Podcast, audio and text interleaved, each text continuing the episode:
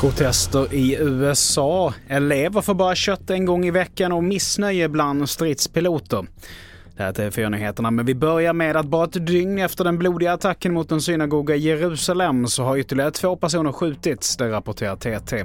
De två männen ska båda ha fått skottskador i överkroppen men var vid medvetande när de fördes till sjukhus. Gärningsmannen var en 13-årig pojke som ska ha neutraliserats på plats enligt polis. Vidare till USA där det pågår protester efter att polisens videoupptagningar offentliggjorts från den dödliga polismisshandeln av 29-åriga Tyree Nichols. Enligt CNN var minst åtta polismän på plats och fem av dem misstänks nu för bland annat dråp och kidnappning. Ja, det har funnits stor oro för att eh, de här eh, bilderna när de släpps att det skulle väcka så oerhört eh, kraftfulla reaktioner både här i Memphis men också i andra delar av USA. Man har förberett sig på flera håll i flera städer både med nationalgardet med förstärkning av polispersonal. Och reporter här var Thomas Thomas Kvarnkullen. Vi fortsätter med att Malmö kommun har beslutat att skolelever från och med årsskiftet bara kommer att serveras kött en gång i veckan. Det rapporterar Sydsvenskan.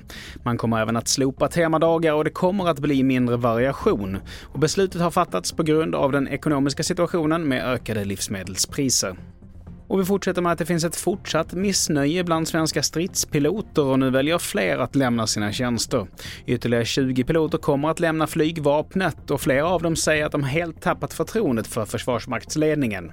Och så här kommenterar ÖB Mikael Bydén. Det är inte så att staten är lönedrivande på något sätt eller löneledande utan vi ska ha konkurrenskraftiga löner och vi ska se till att vi är det vi ska vara och vi har en del att jobba med där. Och till sist, inrikespolitik och säkerhetsläget i världen har stått i fokus när Wikimedia Sverige har sammanställt de mest lästa artiklarna på Wikipedia 2022. I topp hittar vi NATO-frågan, tätt följt av opinionsundersökningar inför riksdagsvalet och på en tredje plats så kom Netflix-serien Clark Olofsson. Fler nyheter hittar du på tv4.se. Jag heter Mattias Nordgren.